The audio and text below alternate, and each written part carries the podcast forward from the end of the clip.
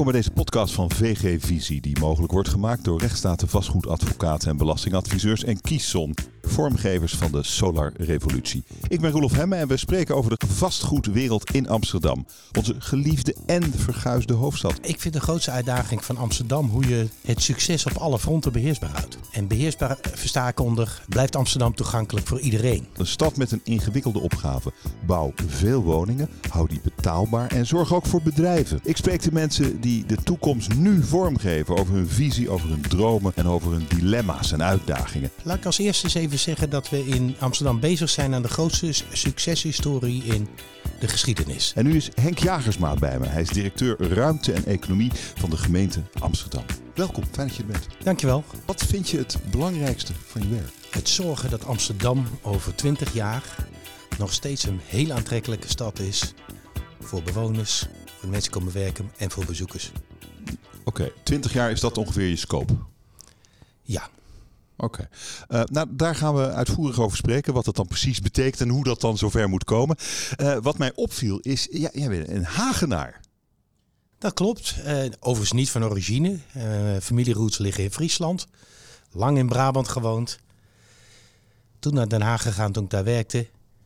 En aangezien mijn kinderen en mevrouw daar hun werk en maatschappelijke activiteiten hebben, ben ik veroordeeld tot uh, woon-werkverkeer. Ja, dus, dus de, de, de, de man die van Amsterdam een fantastische stad wil uh, maken en, die, en de fantastische kwaliteiten wil behouden, die woont zelf niet in Amsterdam. Die woont in Den Haag, wat misschien wel de mooiste stad van Nederland is.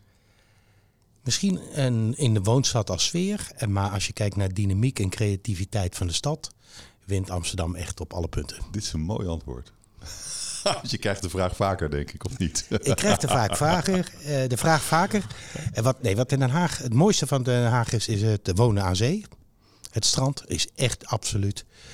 Maar ik denk dat Amsterdam qua klimaat, qua cultureel klimaat, creatief klimaat, uh, verscheidenheid in wijken en dynamiek in de stad, winnen ze echt, uh, is het echt de hoofdstad van Nederland. Laten we kijken naar, uh, naar Amsterdam. En de grote uitdaging voor Amsterdam is bouwen toch vooral bouwen, 7500 woningen per jaar. Ja, ik vind de grootste uitdaging van Amsterdam hoe je het succes op alle fronten beheersbaar houdt. En beheersbaar versta ik onder, uh, blijft Amsterdam toegankelijk voor iedereen. Amsterdam is een hele diverse stad, altijd al geweest. Iedereen moet er kunnen wonen, werken en het bezoek kunnen doen. Maar hoe vangen we die enorme groei en druk op de markt op? De woningmarkt is daar één hele belangrijke van. Oké, dan laten we daar dan eerst eens even over spreken. 7500 woningen per jaar is de ambitie. Um, projectontwikkelaars en beleggers voorzien dat er veel te weinig gebouwd zal worden de komende jaren. Ze zeggen wat er nu, uh, alle lintjes die nu worden doorgeknipt, alle projecten die nu worden opgeleverd, dat is in het verleden allemaal tot stand gebracht. En over de komende jaren uh, maken de kenners van het vak zich grote zorgen. Ze denken dat het gewoon niet gaat lukken. Um, en dan gaan er echt dingen fout in jouw ambitie. Wat gaat hier mis? Ik denk dat er, zit een deel debat. Laat ik als eerste eens even zeggen dat we in Amsterdam bezig zijn aan de grootste succeshistorie in de geschiedenis. Dit is de derde keer dat uh, Amsterdam boven de 7500 woningen per jaar komt qua startbouw. Dus één keer gebeurt in de jaren 30, één keer bij Jan Schever, begin jaren 80. En nu dit jaar waarschijnlijk voor de vijfde keer achter elkaar. Dus Amsterdam zit in een superperiode. Ligt niet aan Amsterdam, dat ligt aan de inspanningen van alles en iedereen. Dus van ontwikkelaars, van beleggers, van mensen die mee willen werken. Een geweldige boost die we hier met elkaar maken. En dan zeg ik heel nuchter, als ik kijk naar de vraag in de markt, is dat nodig dat we dat de komende jaren met elkaar doorzetten. Dat is echt een moeilijke opgave. Dan heb ik het niet alleen over stijgende bouwkosten, uh, maar dan heb ik het ook over de locaties. Kunnen we de procedure snel genoeg krijgen? Dat vergt een goede samenwerking met iedereen. En dat daar zorgen over zijn, dat snap ik. Vastgoedmarkt heeft overigens altijd zorgen. Maar moet elkaar helpen. Ja, maar goed, er zijn, er, het is lastig, er zijn zorgen. Er zijn, uh, nou, om, om maar eens een belangrijk verwijt uh, aan, aan, aan de gemeente Amsterdam te, te noemen. Um, Nicole Maarsen van Sintrus Achmea. Voor jou niet onbekend, was je jarenlang CEO van. Zij zegt, hier gaan dingen mis. Amsterdam is niet aantrekkelijk meer voor beleggers.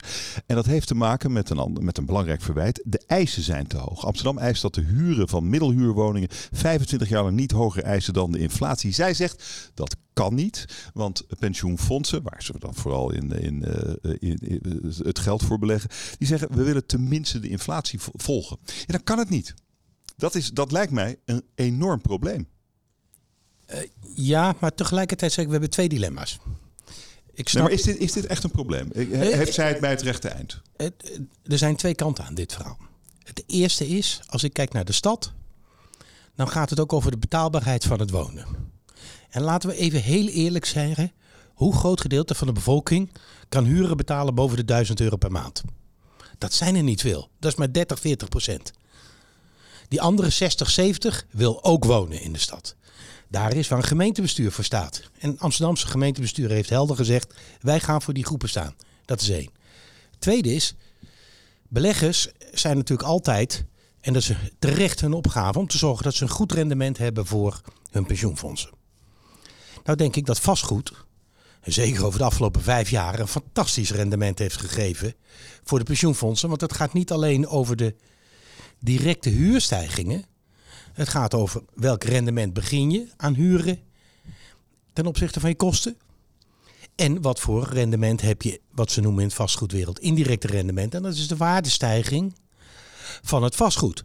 Nou, als ik die twee bij elkaar optel, dan heb ik echt niet heel veel klassen van de middelbare school nodig om te weten dat ik dan een hoger rendement heb dan dat je vandaag de dag op de staatsleningen kunt krijgen. Want dan moet u een half procent inleveren per jaar. Oké, dus um, uh, jij zou het als je nog CEO van uh, was, geen enkel probleem vinden om te bouwen met een gegarandeerde, gegarandeerde huurstijging van niet meer dan de inflatie. Dat zou voor, voor jou, uh, als je aan de andere kant zou staan, geen probleem meer zijn ook dan zou ik onder druk staan van pensioenfondsen die graag wat meer rendement hebben. Daar ben ik ook eerlijk in.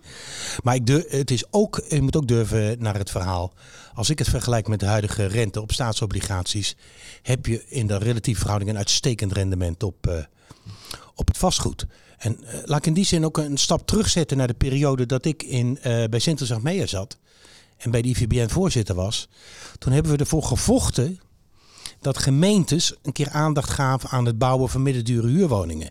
Dat deed namelijk nooit één. We hebben toen rapporten uit laten brengen. Gemeentes moeten eisen stellen in de middendure huur. Amsterdam heeft dat zeer vergaand gedaan. 40% van de nieuwbouw moet in de middendure huur tussen de 700 en 1000 euro. Dus dat is de grootste tegemoetkoming die in Nederland is gedaan richting de beleggers. Is hier in Amsterdam gebeurd op basis van dit punt. En nu zeggen de beleggers, ja dat kan eigenlijk niet. En nou zeggen ze, ja maar we willen wat meer huur hebben. Ik snap dat, dat daar een spanning zit. Maar laat ik ook heel eerlijk zijn. Het toestaan van een lagere huurontwikkeling in de komende jaren heeft ook effecten op de grondprijzen in negatieve zin. Uh, die de gemeente ontvangt, maar die zij moeten betalen. Dus wij betalen zelf als gemeente een behoorlijk deel van die lagere huurstijging omdat ze minder grondkosten hoeven te betalen. Maar, uh, maar toch geloven de beleggers dat niet? Of is dit toch, hoe gaat dit aflopen, denk je? Nou ja, ik, ben, ik zeg hier ook heel open. Ik nodig ze graag uit aan de hand van twee casuïstieken. Laten we cijfermatig doorkijken wat het betekent. Want wij zeggen altijd de grondwaarde is de residuele waarde. Dus het resultaat is wat is de woning waard? Wat heeft gekost om neer te zetten? En wat er overblijft is de grondwaarde. Heel simpel. Dus als ik minder voor een woning krijg omdat er minder toekomstige huurstijgingen zit, is die minder waard. Laten we die rekensom transparant met elkaar maken. Ik denk dat we daar uh, goed uitkomen en dat ze nog steeds een heel redelijk rendement kunnen maken op de vastgoedinvesteringen in Amsterdam. En laat ik daarbij zeggen, de woningmarkt in Amsterdam is volgens mij bij far de beste woningmarkt van heel Nederland als je kijkt naar de hoeveelheid mensen die in Amsterdam willen wonen. Dus als je ook denkt over lange termijn waardeontwikkeling, dan zou ik me hier in Amsterdam niet zoveel zorgen maken. Is dit, uh, is dit, is dit uh, misschien een beetje een potje armworstelen? Nee, dus juist een niet. Beetje wel, hè? En een beetje nee, en juist niet. Uh, juist niet. Of hij het eerst met zijn ogen knippert, dat is het. Er moet hier natuurlijk nee. onderhandeld worden. Er moeten straks dingen gebeuren. Maar Iemand moet toegeven. Nee, maar er is per definitie wordt er onderhandeld tussen overheden en ontwikkelaars en beleggers. Dat is altijd bij ieder project. Maar we hebben een aantal spelregels erbinnen en iedereen zit altijd te zoeken naar de ruimte en de marge erbinnen. En de verschillen zijn ook heel duidelijk vanuit het vertrekpunt. De belegger moet kijken naar zijn uh, eh, pensioenfondsen en achterban dat die voldoende rendement hebben om in de toekomst te betalen. De ontwikkelaar moet zijn risico's op een goede manier afdekken, want het gaat soms goed en soms helemaal fout. En de gemeente moet zorgen voor de betaalbaarheid en eh, de stabiliteit op lange termijn. Oké. Nou, het is wel zo, als, eh, corrigeer me als ik het niet goed heb hoor, maar eh, het, het, het, het, veld lijkt wel een beetje gelijk te krijgen als ze zeggen dit wordt heel erg moeilijk om die woningen te realiseren. Want het college van Amsterdam, college van burgemeesters, burgemeesters en wethouders, verwacht dit jaar niet het doel van 2500 sociale en 1670 middeldure woningen te halen. Ehm, terwijl het in de duurdere categorieën wel voortvarend gaat. Hier gaat dus wel nu al iets mis. Nee, dat is eh, verkeerd gelezen. Eh, wat er feitelijk voorleest klopt. Maar Ja. vorig jaar is er een coalitieprogramma afgesproken waarin stond 2500 sociale huurwoningen, gemiddeld per jaar 1670 middendure huurwoningen. Maar zeiden ze, dat zal even duren, want wij respecteren de gemaakte afspraken in het verleden. En we weten dat het een paar jaar duurt voordat de projecten eh, starten en eh, laat staan gereed zijn. Dus er zit een overgangsperiode in. Dus het gaat om het aantal sociaal wat toeneemt. En we gaan proberen op die 2500 gemiddeld te komen. Maar zeker niet nu aan het begin. Want we hebben de afspraken die er waren, worden gewoon door de stad Amsterdam gerespecteerd. Dus hier gaat eigenlijk niks mis. Dit is nog steeds Dit is- volgens plan. Dit is volgens plan en de afspraken die we gemaakt hebben. Oké. Wij zitten en we werken keihard eraan om te zorgen dat er voldoende sociaal en middendure huur in de nieuwe projecten bij komt.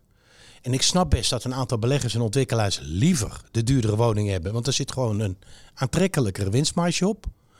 Maar dat is wat de stad moet doen, zorgen voor betaalbaarheid. Er is, eh, je nodigde net eh, eh, de beleggers eh, uit voor een gesprek met jou om daarover te spreken. Ehm, wat je ook hoort is dat het overleg met de politiek verantwoordelijke wethouder, Laurens Evans, eigenlijk niet aanwezig is. En als het aanwezig is, is het heel moeizaam. Ehm, dat is toch niet echt behulpzaam in dit hele proces. Hoe komt dat? Nou, ik denk dat eh, de, de Ivers, ik, eh, ik heb hem ook hier nog uitgebreid over gesproken. Die probeert dit debat op te zoeken, maar hij staat voor de verantwoordelijkheid van betaalbaarheid in de stad. Beleggers staan voor hun verantwoordelijkheid. En samen moet je je productie en, eh, eh, in de stad waarmaken. Je moet af en toe over praten. En daar wordt regelmatig over gesproken. Want vorige week zijn ze nog bij elkaar aan tafel geweest. Dus dat is heel eenvoudig. Dus met elkaar spreken wel. Alleen, het is natuurlijk zoeken naar de goede brug eh, hiertussen. Want laten we inderdaad niet vergeten. Bouwers, ontwikkelaars, beleggers en de gemeente. We moeten alle vier samenwerken om te zorgen dat we die topproductie die we nu al een paar jaar achter elkaar hebben, in de komende jaren ook halen. Want de vraag is er in de stad. Nou zeggen, nou, zeggen, nou zeggen de beleggers, die zeggen de, oplossing is gewoon eh, de huur laten meestijgen stijgen met de inflatie plus 1%. Probleem opgelost. Ja, dat is niet helemaal waar, want dan stijgen ook de grondprijzen weer in alle berekeningen die we hebben. Maar ik snap dat ze het graag willen. Ik snap ook dat hun dat wat meer comfort geeft. Maar daarom hebben we ook gezegd, eh, alsjeblieft ga aan tafel zitten. We zijn echt bereid met open ogen te kijken en de rekensommen transparant met elkaar te maken. Want we willen in ieder geval samen dat we die bouwproductie blijven realiseren. Laten we daar helder in zijn. Maar, En, maar is eh, 1% dan onoverkomelijk? nou, één- kijk, het nadeel van 1% is dat je dus heel snel woningen weer uit die middengroep laat groeien. 1% per jaar. Ja, dan ben je toch over een aantal jaren zijn het geen middendure huurwoningen meer. Maar zitten ze ook weer in de dure categorie. Dus de spanning blijft zitten. Hoe blijven wij in deze markt van Amsterdam zorgen voor voldoende betaalbare woningen? Want in veel woningen blijven heel hard stijgen. Je hoort weinig mensen in de stad zeggen: We hebben hier geen probleem om hier een woning te vinden die redelijk betaalbaar is. Die categorie ken ik niet. Je begon met te zeggen Amsterdam is zeer succesvol en de- dit is een gevolg van het succes eigenlijk. Dit, is het, dit komt uit succes, maar dat vergt dus ook een reactie beleidsmatig. Dat we op blijven letten dat de stad betaalbaar blijft. En de marktdruk gaat de andere kant op.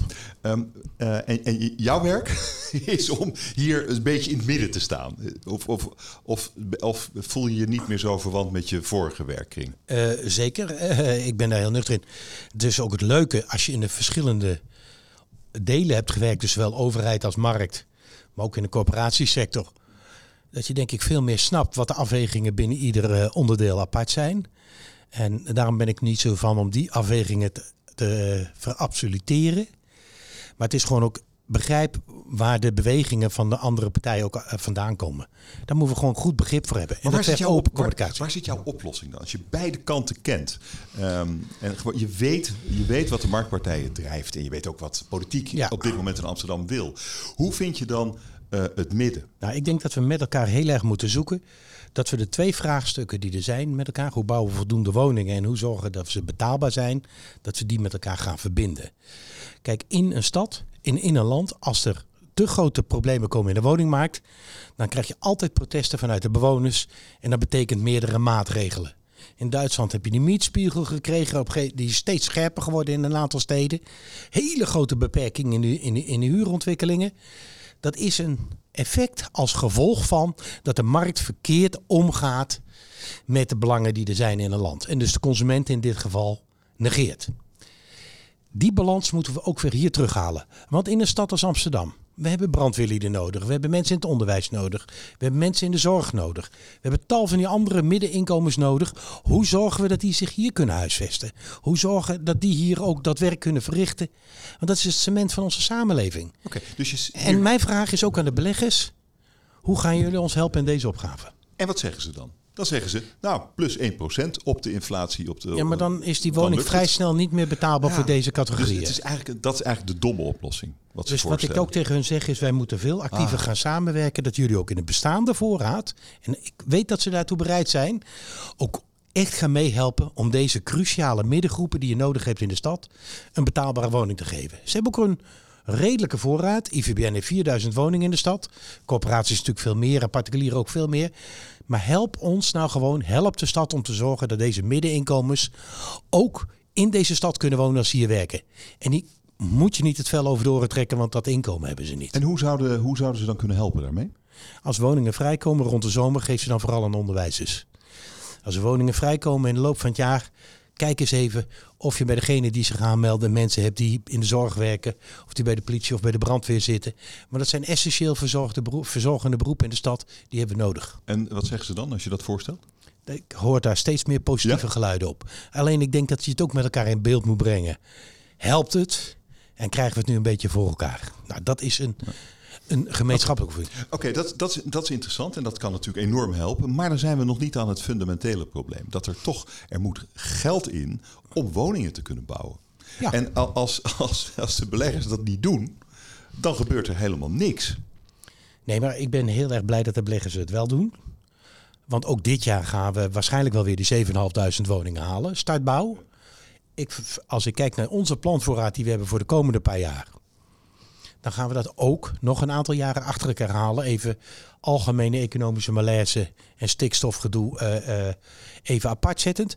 Dus de kansen zijn er. Ik denk dat we als overheid de voorbereiding hebben gedaan. Als zij zeggen ze komen er financieel niet uit, dan daag ik ze uit. Laten we om tafel gaan zitten en we gaan het financieel echt bekijken. Want dan zeggen ze ook dat de grondprijzen niet aangepast zijn voor die beperkte huurontwikkeling. Dat hoort wel. Als wij zeggen u mag minder in de huur stijgen in de komende jaren, dan heeft dat een groot effect op de grondprijzen. Als wij zeggen u mag niet uitponden zoveel jaar, dan heeft dat een groot effect op de grondprijzen. Dat kost de gemeente dus heel veel geld, maar dat doe je om dit beleidsmatige doel eh, te halen. Als dat onvoldoende is of fout is, dan zou ik zeggen, laten we dat in concrete casussen met elkaar bekijken. Ik nodig echt alle beleggersontwikkelaars uit. Laten wij kijken of we dat goed genoeg doen of niet. Maar laten we ook met elkaar heel eerlijk zijn. Het is een wereld van onderhandelen en het zal altijd onderhandelen blijven. En dat vind je nog leuk ook. Dat is ook leuk. Ik, ik zit ook nog een beetje met wat je even zei over de situatie in Duitsland. Het, daar zit een, een soort dreigement in verscholen. Namelijk dat de overheid, de gemeente Amsterdam, ehm, maatregelen kan nemen die helemaal niet zo goed zijn voor beleggers. Namelijk de huren gewoon verlagen desnoods. Een overheid kan natuurlijk ongelooflijk veel. Is dat wat je bedoelde? Is dat een optie? Eh, Die, die mogelijkheden bestaan in Nederland niet. Het- Dit is de Duitse wetgeving. Nog, nog niet. Nee, kijk, waar ik voor waarschuw altijd is zorg. En laat dat niet alleen over aan de overheid. Maar zorg samen, dus beleggers, ontwikkelaars, bouwers en gemeenten. Dat je voldoende goed antwoord geeft op maatschappelijke vragen zijn die er in de samenleving. Wentel dat niet af op de overheid dat ze het moet oplossen via regelgeving. Dat is, zijn niet de beste oplossingen. Dat zijn noodmaatregelen.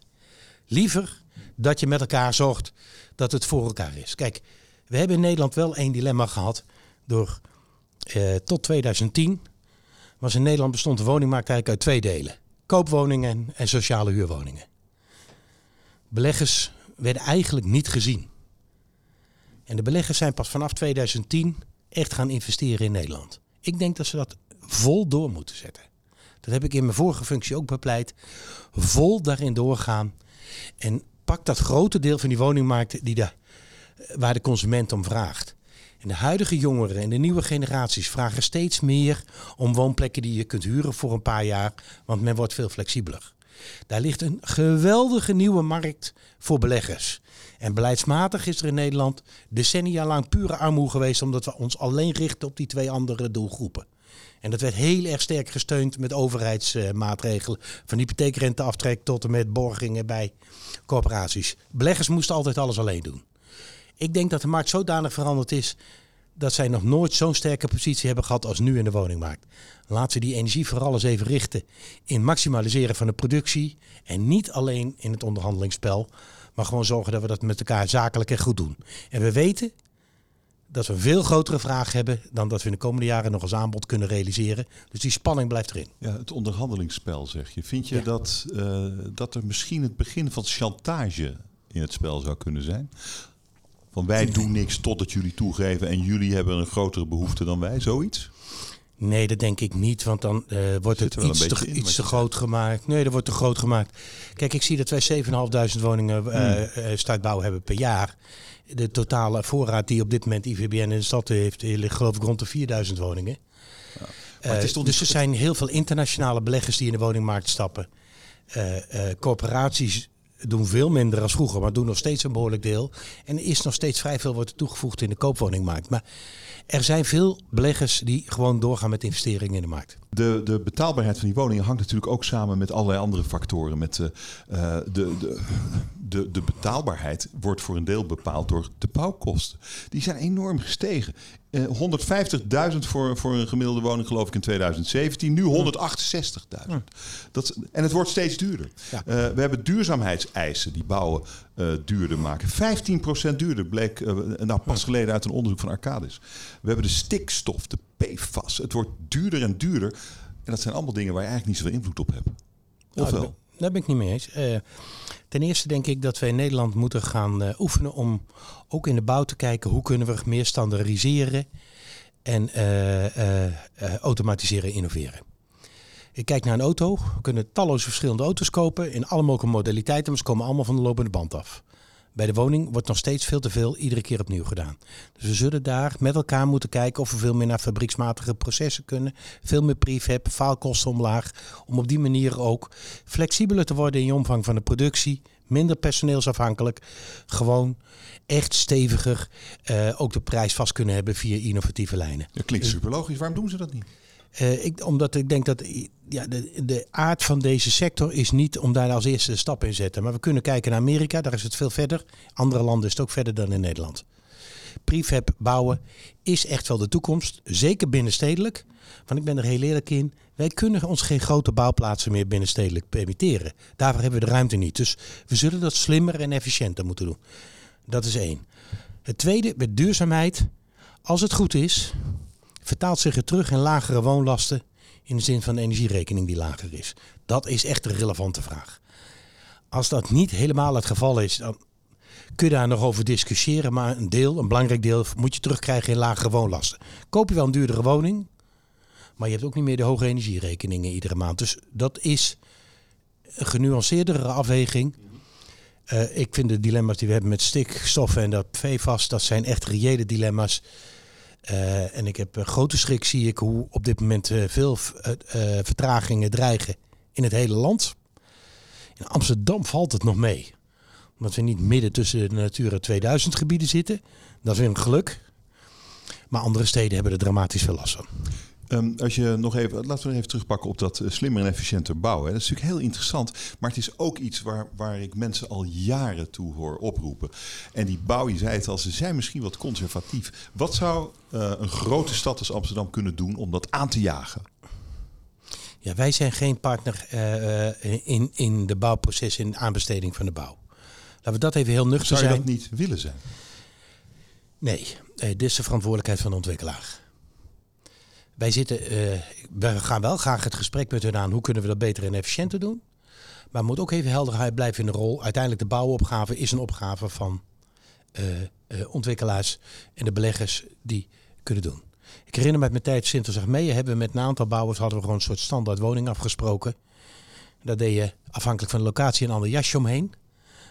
Maar het binnenwerk was klaar. De concierge, het zijn zoveel verdiepingen, de woningen zijn zo groot, zo ziet de woonkamer eruit. Pensioenfonds voor de Landbouw, eh, toch leuk als voorbeeld te noemen, die hadden een uh, woningtype ontwikkeld in de jaren, begin jaren 80.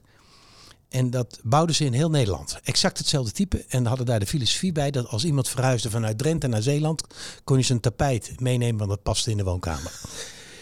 en eigenlijk. En daar wil je naar terug. Nee, maar dat is een hele charmante manier van denken. Ja, ja ik snap het. Maar ik denk, waarom moet het allemaal zoveel anders zijn? Want het is uiteindelijk net niet anders. Hè? Het is toch hetzelfde ongeveer. Ze kunnen groter en kleiner zijn. Uh, en dan kan een keer een hoek in. Maar de meeste dingen kun je standaardiseren. Wat je aan stopcontacten, wat lichter doet, hoe de leidingen erin liggen, dat hoef je toch niet per pand opnieuw te bedenken. Dus met de auto wil je ook niet alles opnieuw bedenken. Je wil een paar leuke opties hebben. Het klinkt zo logisch. En, maar goed, als je als, als hele grote stad dit zou willen... Ja, kom er toch nog maar even op terug. Je zegt, ja, eigenlijk zouden de, de, de ontwikkelaars, de beleggers dat moeten doen.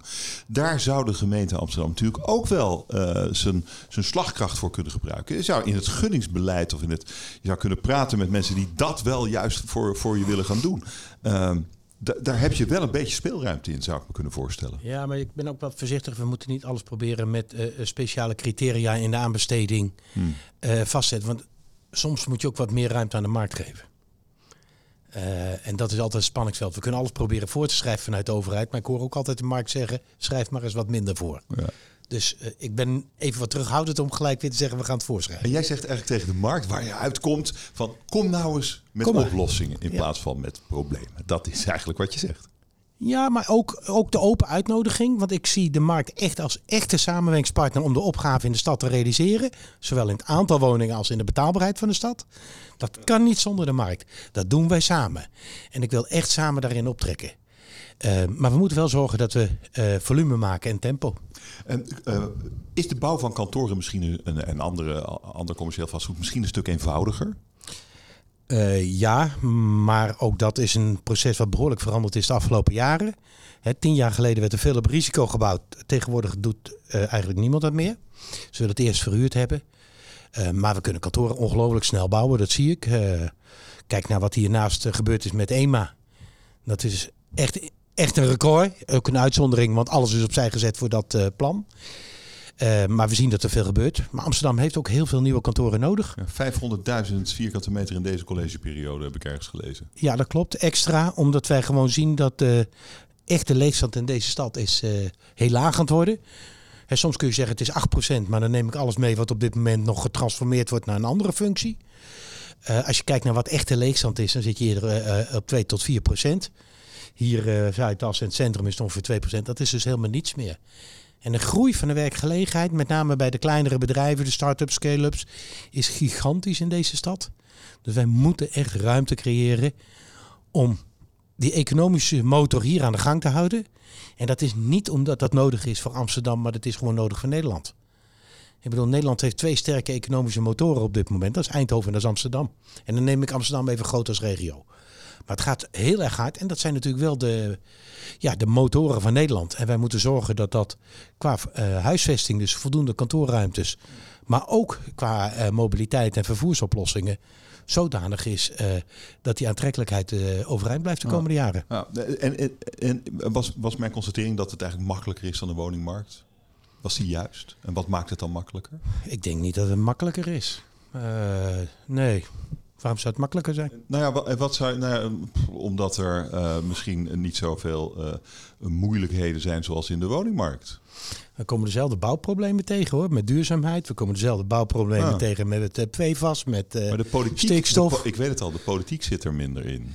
We hebben niet een huis, we hebben niet een betaalbaarheidsvraag nee, van de kantoren. Nee, precies. dan pak je een andere locatie. Ja, dus ja. je hebt wel je economische kant erin, maar je hebt niet de consumentenkant zit hier niet in. Nee, dat, dat, is, dat, dat, is het grote verschil. Dat maakt het een stuk eenvoudiger.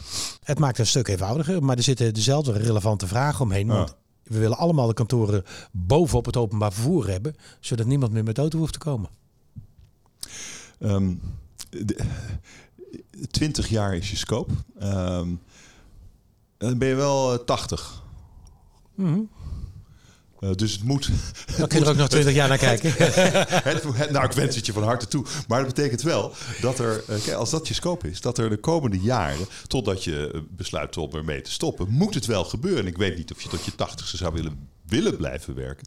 Maar dan moet het wel gebeuren. Wat zijn dan de grote slagen die jij nog in gang moet zetten en die je mee moet maken? Eh, een paar. Ik hoor hoop op mobiliteitsterrein een bijdrage te kunnen leveren om echt een doorbraak te krijgen op eh, het vernieuwen en het vergroten van de metrosystemen in Amsterdam. Dus doortrekken Noord-Zuidlijn naar Schiphol, het sluiten van de kleine ring vanaf Isolatorweg naar het Centraal Station. Essentieel om hier de bereikbaarheid van deze economische motor eh, op goed niveau te houden. Maar ook essentieel om een soort shift te maken waarin wij vliegtuigen kunnen vervangen door internationale treinen. Eh, sprinters op de treinen die nu door de Schipholtunnel gaan en in station Schiphol zitten, vervangen door metro's, auto's waar mensen met de metro gaan. Dus echt al die netwerken spelen dan op elkaar in om te zorgen dat je iedere keer vanuit ieder netwerk een stap naar een groener netwerk zet qua vervoerswaarde. En tegelijkertijd zet je een enorme impuls achter die motor. Dus dat vind ik een hele cruciale. Eh, en verder is het, eh, eh, wat mij betreft, even het volhouden van de komende jaren in de bouwambitie. En daarbij de energietransitie die je nodig hebt in de stad. Nou, ik wens je heel veel doorzettingsvermogen en uithoudingsvermogen en veel succes en ook wat geluk. Hebben we ook nodig hoor, anders lukt het toch niet. Waarschijnlijk zal dat wel nodig zijn. Is, en dat is ook wat het leuk maakt. Je hebt nooit het gevoel van... Nee, ik, ik had een hartstikke mooie baan als CEO van Sinter Achmea. Nu is ik met al die maatschappelijke narigheid op mijn nek. Oh, wat Nou, ben ik- aan begonnen. Nee, eh, ik moet zeggen, ehm, het maakt je gewoon hartstikke jong. Eh, ik ben iemand die gewoon na zoveel jaar weer nieuwe uitdagingen op een nieuwe manier nodig heeft.